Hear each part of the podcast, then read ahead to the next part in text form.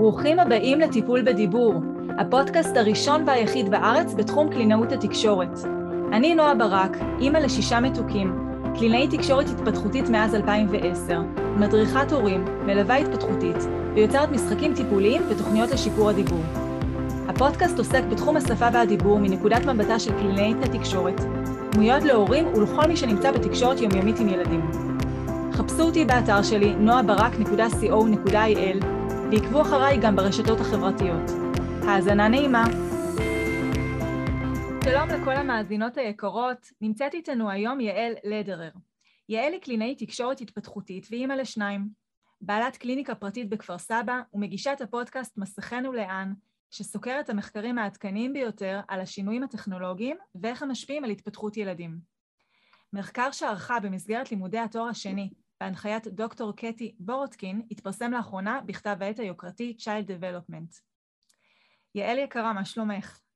בסדר גמור, תודה על ההזמנה. תודה שאת פה. אז הקורונה אילצה את כולנו בעצם לחשוף את הילדים שלנו הרבה יותר למסכים בהשוואה למה שעשינו מקודם, בין אם זה בגלל אילוצי אה, זומים של לימודים, בין אם זה כבייביסיטר בגלל שאנחנו ההורים נאלצנו לעבוד יותר שעות מהבית והילדים היו איתנו. בואי נתמקד רגע בילדים בגילי הגן, וננסה להבין אחת ולתמיד, האם מסך הוא טוב או רע? אז מסך הוא לא טוב ולא רע, מסך הוא רק טכנולוגיה. השימוש שאנחנו עושים אותו יכול להיות מועיל או מזיק. עכשיו, כדי לענות על השאלה הזאת, אנחנו נצטרך קצת לפרק אותה. אנחנו נצטרך לענות בנפרד על גילאים שונים, על משכי זמן שונים, ובעיקר, בעיקר אנחנו צריכים לחשוב על מה אנחנו עושים עם המסך. אז אנחנו מתחילים לדבר על גילאים שונים, כן? מסך הוא, הוא, יש לו משמעות שונה בגילאים שונים. עבור הקטנטנים, עד גיל שנתיים וחצי, שלוש, המסך הוא בסך הכל איזשהו גירוי מהפנט כמעט, שהם לא מצליחים ללמוד ממנו כלום. אז למה זה? הסיבה היא שאופנות הלמידה של ילדים צעירים מאוד היא שונה מאופנות הלמידה שלנו. אנחנו יכולים ללמוד בכל מיני דרכים, אנחנו יכולים לקרוא, אנחנו יכולים להקשיב להרצאה, אנחנו יכולים לעשות ניסויים וללמוד מניסוי וטעייה, אבל ילדים צעירים לומדים אחרת. הם חייבים להיות באינטראקציה עם מבוגר כדי ללמוד, ובעיקר בעיקר כדי ללמוד שפה. המבוגר הוא זה שמארגן את הקשב שלהם, המבוגר הוא זה שמגיב לפעולות שהם עושים, למה שהם יוזמים, המבוגר הוא זה שמגיש להם גירויים שמותאמים בדיוק בדיוק אליהם. מהרבה מחקרים אנחנו לומדים שכשהלמידה מתרחשת לא בתוך אינטראקציה, אלא כשהתינוק או הפעוט הם, הם פסיביים, כמו בצפייה במסך, הם לא מצליחים ללמוד מזה כלום, הם בוהים. זה נראה לנו מבחוץ שהם מרוכזים, אבל הם בעצם לא למדו כלום. אז זה לגבי הצעירים ביותר, עד גיל שנתיים וחצי, אין להם שום רווח מהמסך, שום כלום. הוא רק גוזל מהם זמן שהם יכלו להשקיע בפעילות שכן תורמת להתפתחות שלהם, כמו משחק, חקירת צעצועים, אינטראקציה וכו'. לגבי הגדולים יותר, אנחנו יכולים להרחיב קצת את השאלה ולשאול בעצם מה הם עושים עם המסך. ופה אנחנו נוכל לראות שבתנאים מסוימים יש מה להרוויח. עדיין חשוב להגיד שברוב המחקרים, תמיד אה, למידה מאינטראקציה מבוגר הייתה יותר טובה, יותר יעילה, יותר מהירה, מאשר הלמידה מתוך מסך. אבל גם מהמסך הצליחו ללמוד משהו. אצל ילדים הגדולים יותר אנחנו צריכים גם לשאול כמה הם צופים, מסך כן יכול אה, לספק להם מענה למשהו, למשל הוא יכול לחשוף אותם לשירים, לרעיונות חדשים, אבל מסך לא יכול ללמד אותם לעולם דברים שקשורים בתנועה, בחקירה חושית של העולם, ובטח ובטח שדברים שקשורים במיומנויות חברתיות. לכן גם כשהתוכן הוא מאוד מאוד איכותי, מאוד מאוד חשוב המינון, וחשוב שזה לא יבוא על חשבון חוויות ילדות שהן קריטיות ומשמעותיות לילדים. נקודות אה, מאוד מאוד חשובות שהעלית. אה, זה ככה מאוד מתבקש בהקשר הזה באמת לשאול מה לגבי שיחות זום או שיחות אה, וואטסאפ או שיחות שזה אומנם מתבצע דרך מסך, אבל זה כן משהו שהוא אינטראקטיבי ובלייב, בזמן אמת. אוקיי, אוקיי, אז באמת שאלה מצוינת, במיוחד בטיימינג הזה של הקורונה. שיחות זום זה משהו אחר מאשר צפייה פסיבית במסך, ואיזה מזל שיש לנו את האפשרות הזאת לשיחות וידאו עם בני משפחה. תדמיינו רגע את הסגר הראשון, בלי היכולת לדבר עם סבא וסבתא, או בלי היכולת לדבר עם בני הדודים בווידאו, עם החברים מהגן. מזל שהייתה את האפשרות הזאת. למה זה שונה מצפייה פסיבית? בגלל שבשיחת זום יש אינטראקציה. וידאו, כשילד צופה בווידאו, אז הווידאו לא מגיב לילד בכלל, וגם הילד לא מגיב לוידאו, הילד הוא רק פסיבי. לעומת זאת, שיחות וידאו הן שיחות לכל דבר. השותף לשיחה כן מגיב לילד. התור של הדיבור הולך וחוזר, הילד הוא פעיל ושותף. ויש גם הוכחות מחקריות לזה, למשל, אם, אם ניקח מחקר אחד שבו לימדו את הילדים מילים חדשות, בשני אופנים, או באמצעות אינטראקציה פנים אל פנים, או באמצעות שיחת וידאו. ומסתבר שלא היה הבדל בלמידה, ילדים למדו אותו דבר, גם אם הם למדו פנים אל פנים וגם אם למדו משיחת וידאו. הסיבה היא כי יש אינטראקציה, יש בכל זאת, התור של השיחה הולך וחוזר, והמבוגר תגובתי לילד והילד גם מגיב למבוגר. וזאת הסיבה, אגב, שנכון, יש את המלצות ארגוני הפדיאטרים, ההמלצות שלהם הן לא לראות מסך כלל משום סוג עד גיל שנתיים, למעט שיחות וידאו עם בני משפחה. אני רוצה רק להגיד עוד מילה אחת על למידה קבוצתית בגיל הגן בזום. נכון, זה היה בעיקר בסגר הראשון, היה גן בזום, זה בעיניי לא תרם לילדים בכלל ותסכל רבים מאוד. כי אם הגננת היא זאת שמדברת והילדים הם על השטק, אז זה כמו לצפות פסיבית בווידאו, ואני לא הבנתי את הערך של זה, לא הבנתי למה עשו את זה. לקחו כלי שמתאים לניהול ישיבות בעסקים וניסו ליישם אותו על ילדי גן. מה שאני שמעתי זה בעיקר על תסכול של הילדים, שהם אמרו משהו, הצביעו כדי לדבר ולהשתתף, כמו שהם רגילים לעשות במפגש בגן, וקולם לא נשמע. נכון, וזה עוד אחרי שהם הסכימו לראות את עצמם פתאום בזום, הרי בזום אתה גם רואה את עצמך בקטן, נכון. וגם uh, הסחה בפני עצמה. כן, נכון. נכון. Um, מה לגבי רכישה של שפה שנייה?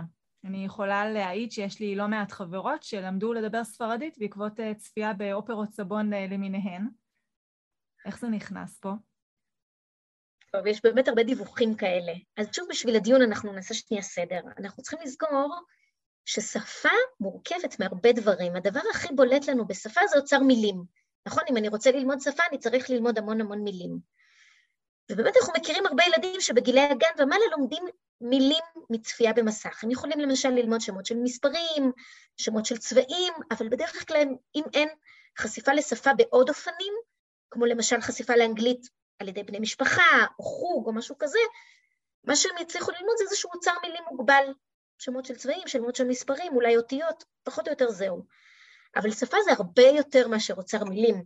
בשביל לדעת שפה אני צריכה ללמוד גם את כל החוקים של השפה, יש המון חוקים ללמוד.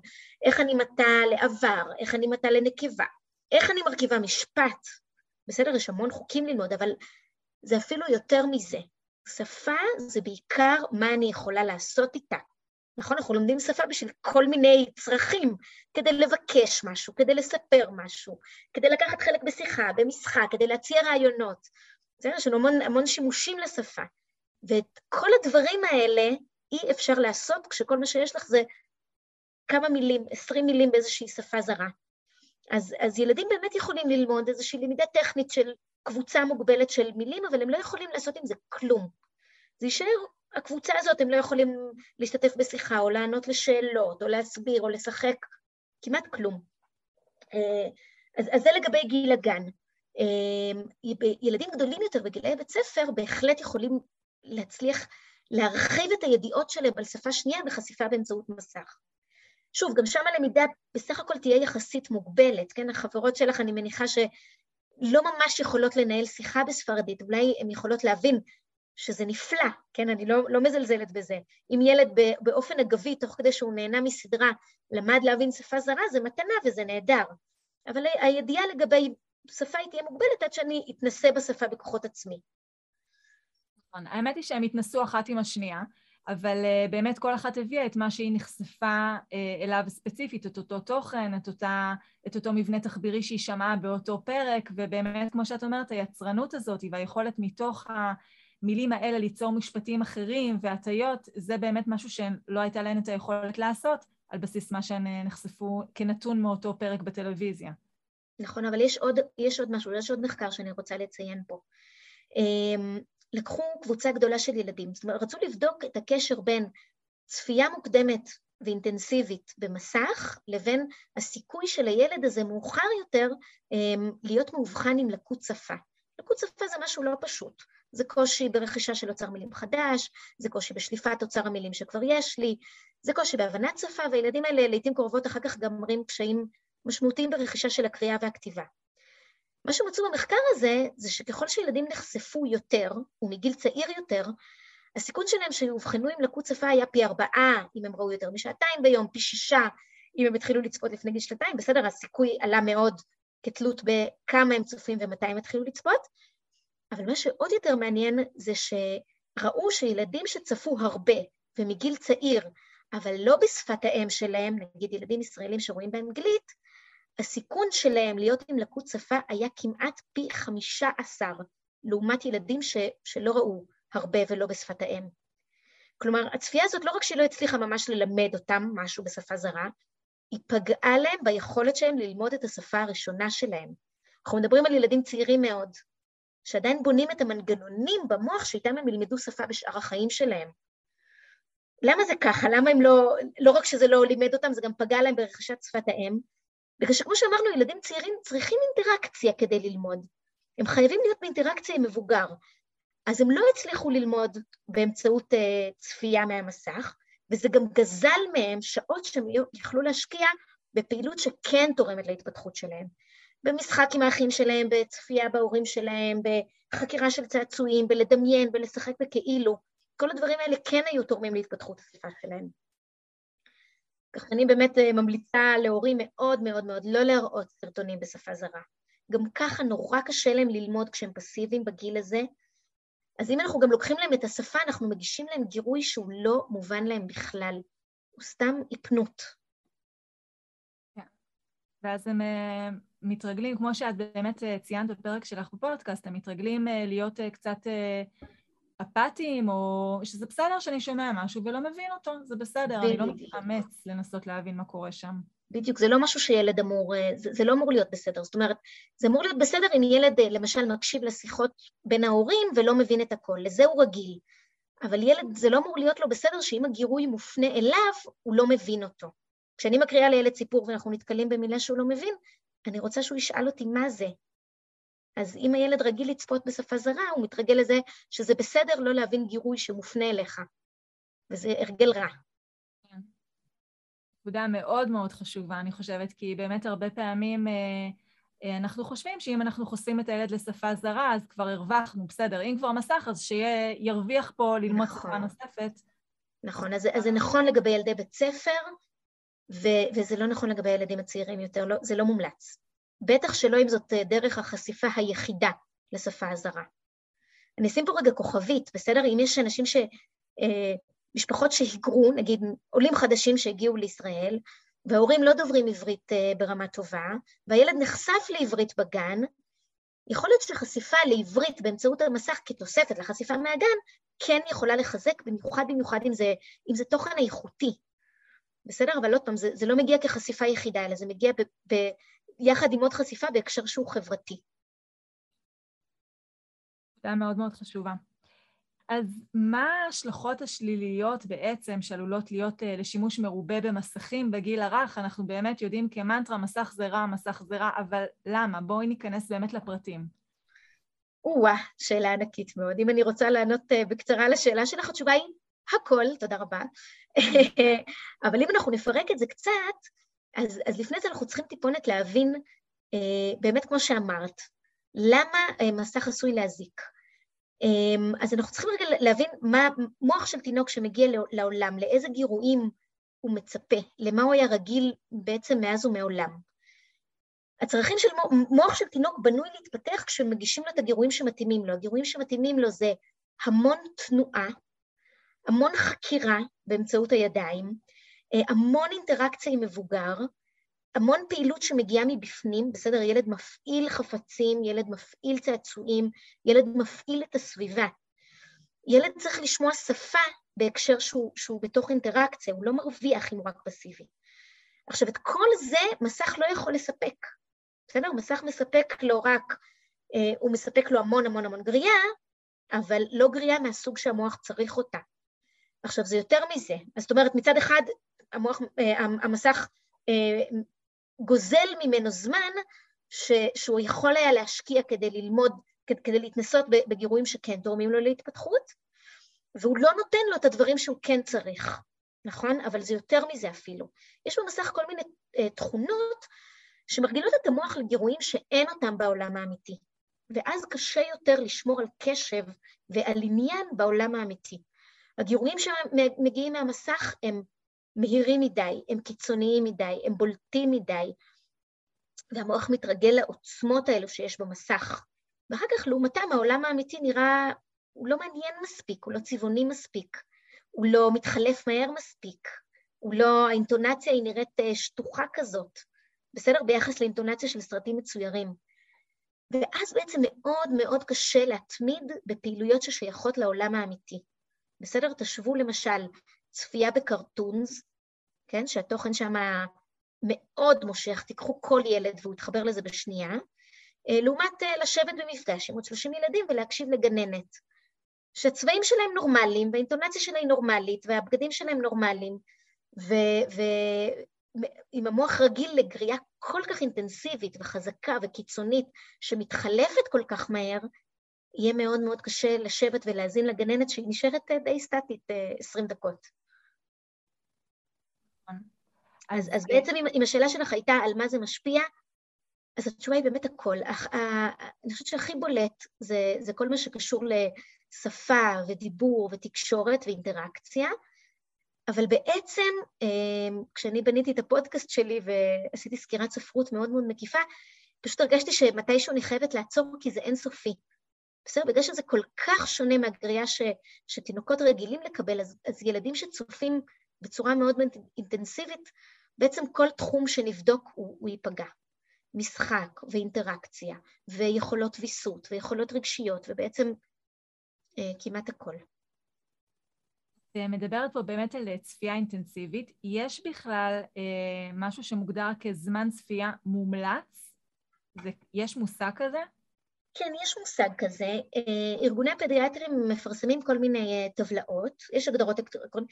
האמת היא שאני לא מבינה בדיוק על מה הם ביססו את הטבלאות שלהם, אבל עקרונית, מה שבטוח חשוב לזכור, זה שמומלץ שעד גיל שנתיים לא יהיה שום סוג של מסך, כולל לא טלוויזיה שדולקת ברקע בבית.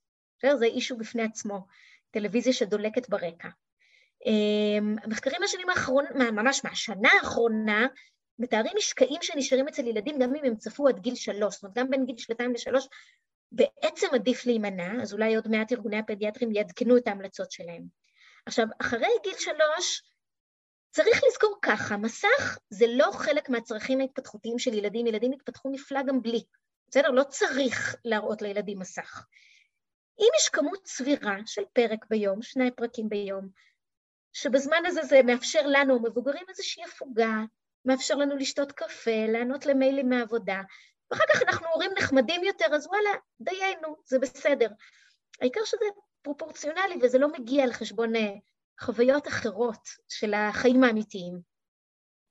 זאת אומרת, עד גיל שלוש, ממש להשתדל אפס מסך, או כן. כמה שיותר קרוב לאפס, ומגיל כן. שלוש אפשר פרק שניים ביום, שזה סביב השעה, נניח, פחות או יותר? כן, חצי שעה, בסדר, אצל היותר צעירים, אצל היותר גדולים, גם אם זה היה, עוד פעם, זה, זה גם תלוי מה, עוד תלוי מאוד מה רואים ומה המשפחה עושה עם זה, אמ, וגם כמובן גם, גם תלוי מאוד מה קורה כשמכבים את המסך. אם אני נתתי לילד לראות רק שעה, ואז מכבים את המסך, אבל אני עדיין בעבודה שלי ואני אה, מספקת לו אינטראקציה כזאת, אני עדיין בטלפון, ואני, מה שיש לי לספק לו זה רק יופי חמוד, אז, אה, אז, אז אוקיי, אז, אז, אז זה לא מספיק. זאת אומרת, מה שחשוב זה שילד יקבל לאורך היום אינטראקציה עשירה, מגוונת, חוויות מגוונות, לצאת לגינה, להזמין חברים. בסדר? זה יותר חשוב מאשר הזמן מסך עצמו, וגם כמובן חשוב התוכן. יש תכנים עשירים, מעשירים, שמרחיבים מאוד את הידע של הילד על העולם, ויש תכנים שהם באמת זבל, שהם לא נותנים לילד כלום.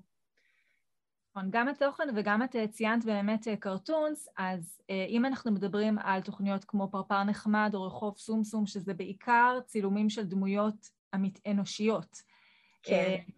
אז יש לזה באמת משמעות אחרת מבחינתנו?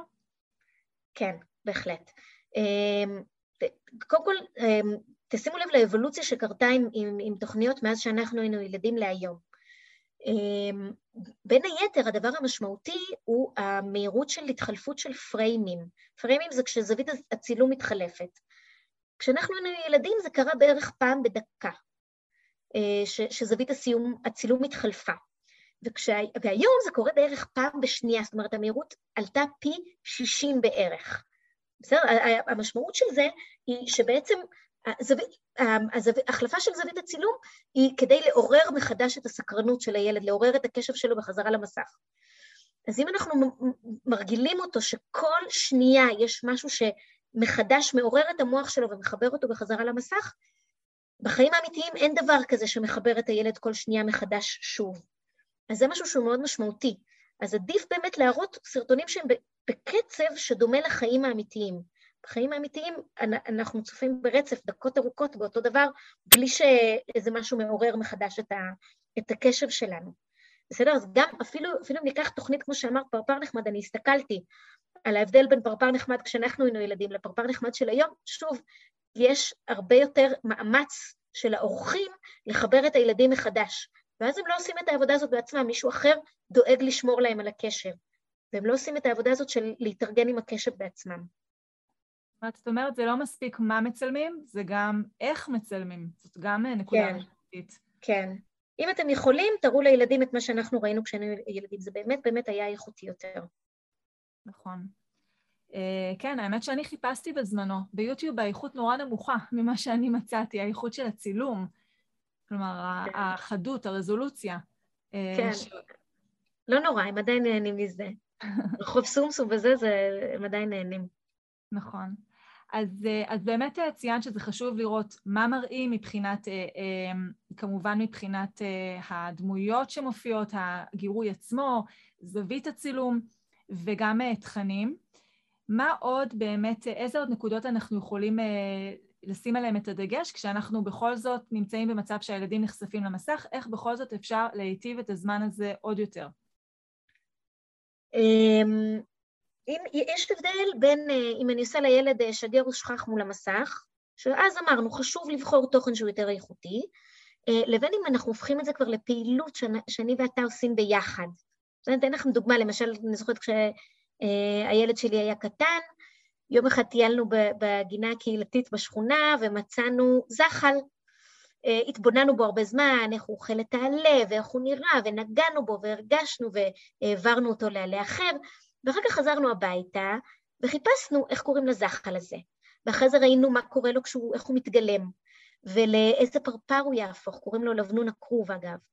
אה, וזה יכול להיות נורא כיף, כי אחר כך כשחזרנו לגינה וראינו פרפר כמו שראינו ב, ב, באינטרנט, אז אמרנו, אוי, אולי זה הזחל שאני ואתה ראינו אז. בסדר? אז המסך בעצם פה הוא, הוא ניצול נהדר של מסך ללמידה, כי, כי, כי עשינו הלוך חזור. זאת אומרת, מהחיים האמיתיים עברנו רגע למסך והרחבנו את הדיון, ואחר כך מהמסך חזרנו בחזרה לחיים האמיתיים. אז המעברים האלה הם, הם נהדרים, כי הם באמת שימוש במסך כדי להרחיב את מה שאנחנו יודעים על העולם האמיתי. וחוץ מזה שזאת פעולה שאני ואתה עושים ביחד, זה בדיוק בדיוק כמו להסתכל בספר ביחד. ברור שאם אני ואתה מסתכלים ביחד בספר, אנחנו לומדים מזה המון, ואנחנו מנהלים דיון סביב התמונה שאנחנו רואים, או סביב הטקסט שקראנו. אז גם המסך, אם, אם זאת הפונקציה שלו, אז זה נהדר, זה לא רע, זה נפלא. נכון, כמו שאת אומרת, זה גם ללמידה וגם יש פה את העוררות הרגשית, כי זה לא סתם אני לומד משהו שלא בהכרח מעניין אותי, אני לומד משהו שמעניין אותי, כל החוויה נכון, היא... נכון, נכון. נכון, מה שעוד אנחנו יכולים לעשות זה באמת התיווך, גם אם אנחנו, אה, אם יש סדרה שהילד אוהב, לא כל פעם, כן, זה עונש לשבת לראות סמי הכבאי, אבל אם מדי פעם אני מתיישבת לידו ורואה ביחד איתו, ורואה את התכנים ש, שמעניינים אותו, אז אחר כך אנחנו, גם את זה אנחנו יכולים להרחיב, אנחנו יכולים לדבר על מה שקרה. מה אתה אומר על מה שאדם פרייס עשה? מה אתה היית עושה? אתה הבנת למה כעסו עליו? ואפשר גם לשחק את מה שראינו ביחד. עכשיו אני אהיה אדם פרייס ואתה תהיה סמי. בסדר? אז, אז אפשר כאילו לצאת מהמסך אחר כך לדיונים ולפעילות משותפת ביחד.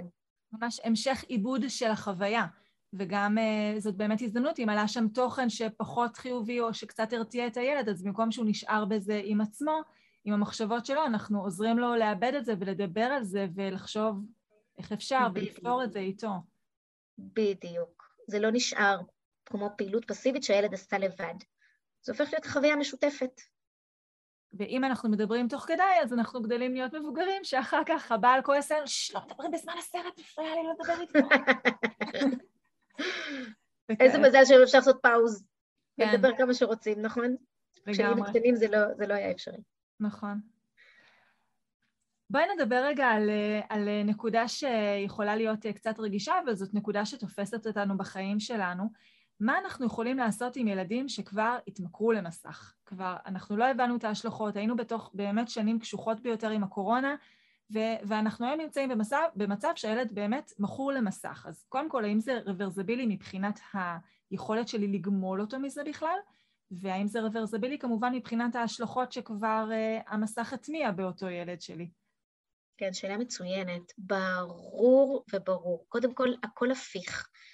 אנחנו מדברים על ילדים מאוד מאוד צעירים, אמ, והכל גמיש והכל הפיך, גם ההרגלים שלהם הפיכים, וגם מיומנויות הלמידה והמוח, המוח עדיין מאוד מאוד גמיש. אני אגיד באמת שזאת אה, בעיה של התמכרות של ילדים למסך, זה משהו שהרבה יותר קל למנוע מאשר לטפל בו אחר כך, בסדר? אז אם יש אה, ילדים צעירים בבית שעדיין לא התרגלו לראות מסך, אז, אז עדיף לדחות את זה כמה שאפשר. את, את ההיכרות שלהם עם, ה, עם המדיום הזה. אבל, אבל אם הם כבר, את, כמו שאמרתי, היה עובדות בשטח, היו הורים שנאלצו להמשיך לעבוד כשהילדים היו בבית, ונאלצו לנהל שיחות זום בלי שהילדים יפתחו להם את הדלת, הי, הייתה מציאות, בסדר? זה... אמ, אבל עדיין הכל הפיך. אמ, גם אפשר ללמד אותם הרגלים אחרים, אה, זה דורש כמובן התארגנות אחרת, כן?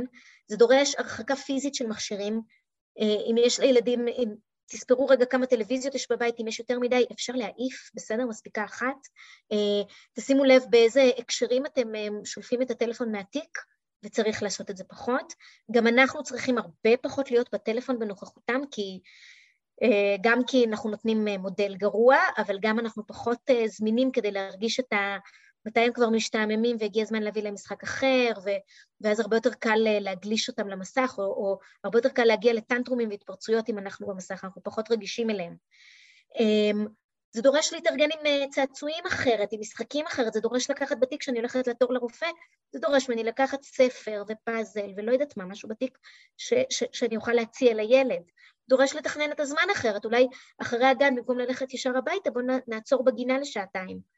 בסדר? זה דורש איזושהי התארגנות, אמ, ועוד איזשהו שינוי מחשבתי, שרוב הדברים שאני כאימא עושה, מעניינים את הילד. אני לא צריכה להעסיק אותו כדי לעשות את הדברים שאני עושה, בסדר? למעט באמת עבודה מול המסך שלי. זה לא מעניין את הילד. אבל, אבל כל הדברים האחרים של ניהול הבית, ו, אמ, והכנת ארוחת ערב, וטיפול כביסה, כל הדברים האלה הם, הם דברים שהכי טוב לעשות אותם ביחד. אני לא, כן, אז, אז אני, הכי כיף זה שהילד איתי, ותוך כדי שאני עושה את הדברים שאני ממילא צריכה לעשות, אנחנו מדברים עליהם. אמ, אני אציג אני, איזשהו מחקר שהוא ממש ממש חדש, הוא מסוף 2021.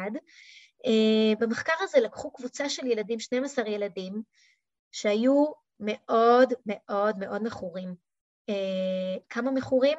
במחקר הם כתבו שמונה שעות ביום, בסדר? אז כבר כל הורה יכול לטפוח לעצמו על השכם, כי אני מקווה שאין פה הרבה ילדים שצופים שמונה שעות ביום במסך. אמ, מה שהם עשו זה, עשו עבודה עם ההורים האלה, אה, עזרו להם אמ, להבין למה זה כל כך חשוב לכבות את המסך, עזרו להם להבין מה עושים במקום, איך מנהלים אינטראקציה, איך משחקים עם הילדים, איך מספרים סיפור, אה, מה עושים ביחד, אה, והמשיכו לעקוב אחרי הילדים האלה. אה, השינויים היו דרמטיים. קודם כל באמת הצליחו לעזור להורים האלה לעשות שינוי, וההורים האלה הורידו את זמן המסך מכמעט שמונה שעות ביום לכמעט כלום. אמ, והילדים האלה אה, הראו שיפור בכל מה שבדקו, בשפה, במשחק, בתקשורת, בשפת גוף, בהבנה, באמת כאילו הילדים האלה הראו שיפורים, שיפור תפקודי מאוד מאוד מאוד יפה. יותר מזה, אה, עשו EEG, כן, בדיקה של הולכת חשמל במוח. אמ, ומצאו שכל עוד הילדים האלה ראו המון המון מסך, גלי המוח שהם ראו היו גלים לא נורמליים, לא, לא גלים שיש בהתפתחות התקינה. ואחרי שהורידו את המסך, אז את השינוי הזה מצאו גם ב-EEG. הגלים, ש... גלי המוח שהילדים האלה הראו היו יותר טיפיקליים, יותר נורמליים. זה מאוד מאוד מעודד. אמ, באמת אה, בהקשר הזה מאוד חשוב כמו שהם עשו באמת החוקרים, הנקודת שינוי מתחילה קודם כל מזה שההורה מבין למה זה חשוב. זה כמו שברור לנו כהורים שאני נותן אה, יד לילד כשחוצים את הכביש, ואני לא נותן לו לבד, גם אם, הוא, גם אם זה במחיר שהוא יבכה ויצעק ואני אצטרך להחזיק בכוח את היד שלו, כי האלטרנטיבה היא סכנה ברורה לחלוטין. אה, ברגע שאני מבינה כמה ההשלכות של המסך הן לא טובות ובאמת מבינה את זה כהורה, יהיה לי את הכוח להתמודד גם עם התופעות של הגמילה, שזה, אני מניחה, כמו תופעות אה, של גמילה באמת. כלומר, יש בכי, יש כעס, יש תסכול של נכון. הילד. חווים את זה. נכון. נכון. זה יותר מזה קצת, אה, זה, זה גם, הילד באמת לפעמים חסר לו, אוקיי, אז מה עושים אם לא, אם לא מסתכלים בדיוק. בטלוויזיה, אז מה כן? בדיוק, זה בדיוק. ילד חסר כישורים. בדיוק, אני אומרת, זאת בדיוק הנקודה הבאה. ברגע שההורה מבין למה זה חשוב, והוא כבר מסוגל להתמודד עם החוסר שביעות הרצון המיידית שתהיה לילד, הוא חייב להציע את האלטרנטיבה המתאימה, שזה גם נכון. תהליך של למידה. נכון, נכון, נכון, כן. זה קשור להצבת גבולות בהרבה תחומים בחיים שלנו. כמו שאמרת, כן, אני, ה... בסופו של דבר אני האימא ואני אמורה לדעת מה נכון ומה מתאים, ו... ואם הילד כבר במצב כזה שהוא באמת כבר חסרים לו כישורים של מה עושים בלי, אז, אז אין, צריך לחתוך ולעשות אה, אה, שינוי אה, כיוון.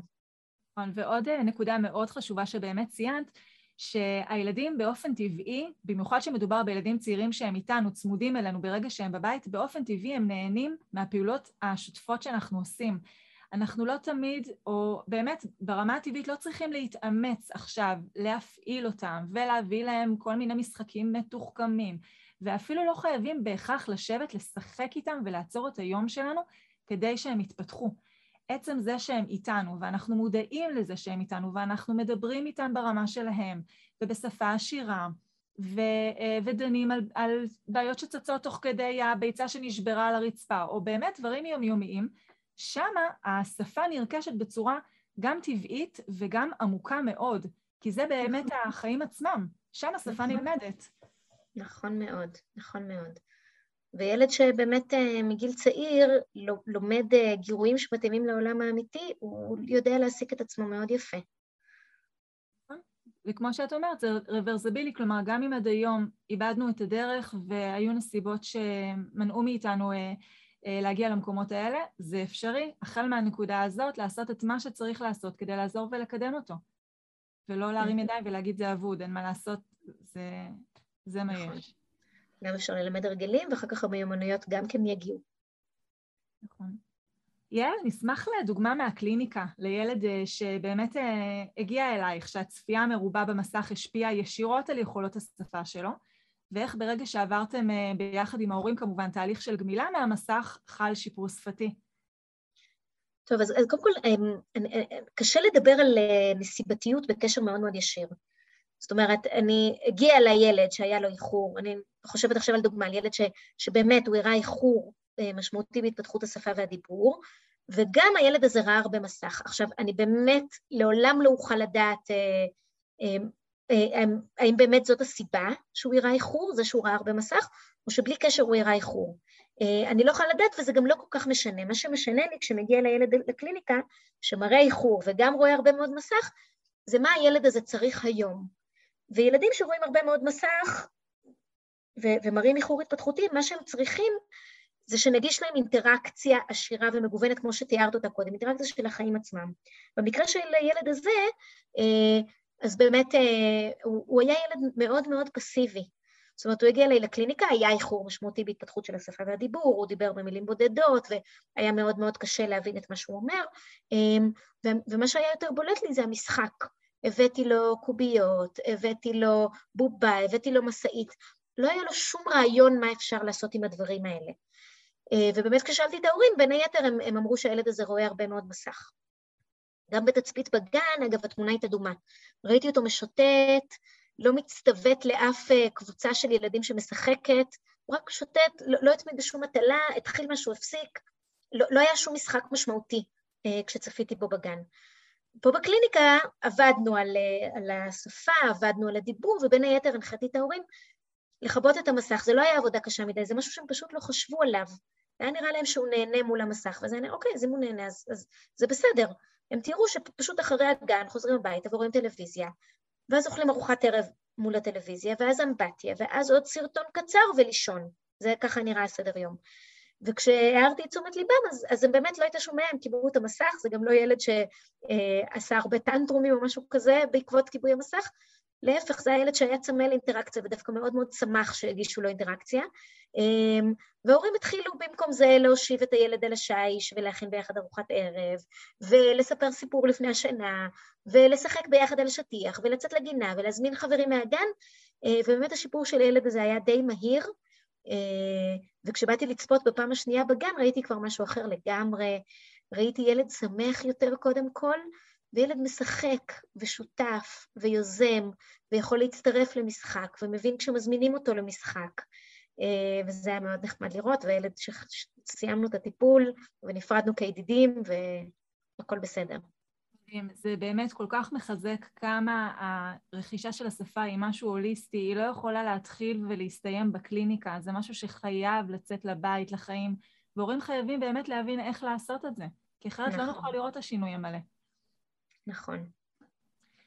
אה, באמת אה, ככה עולה לי ילד שצפיתי בו לא מזמן, אני מעבירה את התוכניות הדרכה להורים באונליין ומספקת להם ככה כלים לעזור לקדם את הילדים בבית, ובאחד הסרטונים, הם תמיד שולחים לי סרטונים של הילדים, ובאמת היה שם סרטון שהילד אה, מוציא מכוניות מתוך קופסה מאוד מאוד גדולה של מכוניות, וזה ילד כמובן עם עיכוב בדיבור, והוא פשוט מניח מכונית, מכונית אחת ליד השנייה בשורה על השולחן, והאימא רק שואלת אותו איזה צבע זה, ואיזה צבע זה, ואיזה צבע זה. וברור, מתוך אה, רצ... הרצון שלה היה טוב, היא ניסתה לדובב אותו, והיא רצתה לשמוע אותו מדבר, ורצתה לראות שהוא יודע ולהראות שהוא יודע, אבל כמו שאת אומרת, היכולת לשחק עם הדברים, לא רק להניח, לא רק להוציא, לא רק לשיים איך קוראים לזה ואיזה צבע זה, אלא מה עושים עם זה, ובאמת לעשות עם זה. ולהכניס פה משחק ורצף והתרחשות, אה, ושמה באמת השפה נרכשת, שמה הילדים לומדים ומתפתחים. נכון. במשחק, באינטראקציה, בכך ותן עם ההורה, או עם חברים בני גילם, או עם האחים שלהם. שם נלמדת שפה ואינטראקציה. תודה רבה, יעל. היה מרתק ביותר, זה באמת אה, הזדמנות אה, לא, לא, לא המלצתי בצורה ישירה, אבל באמת ממליצה בחום על הפודקאסט שלך, מסכנו לאן, מרתק, עדכני, מגובה במחקרים, כל כך חכם, כל כך פותח את הראש ואת החשיבה, ומוגש בצורה כל כך uh, נעימה ומושכת, ממש ממליצה בחום. תודה רבה. גם אני נהנית להאזין לפודקאסט שלך. תודה רבה. אז תודה רבה שהגעת להתארח בפודקאסט טיפול בדיבור, ותודה לכל המאזינות והמאזינים. ואנחנו נתראה בפרקים הבאים. תודה שהאזנתם לעוד פרק בפודקאסט טיפול בדיבור. אל תשכחו להקליק על follow או subscribe כדי לא לפספס את הפרקים הבאים, וכמובן שתפו הלאה והזמינו חברים להאזין. לתכנים נוספים על התפתחות שפה ודיבור, משחקים טיפוליים ייחודיים ושיטות מתקדמות לשיפור הדיבור של הילדים, בקרו באתר שלי noabarak.co.il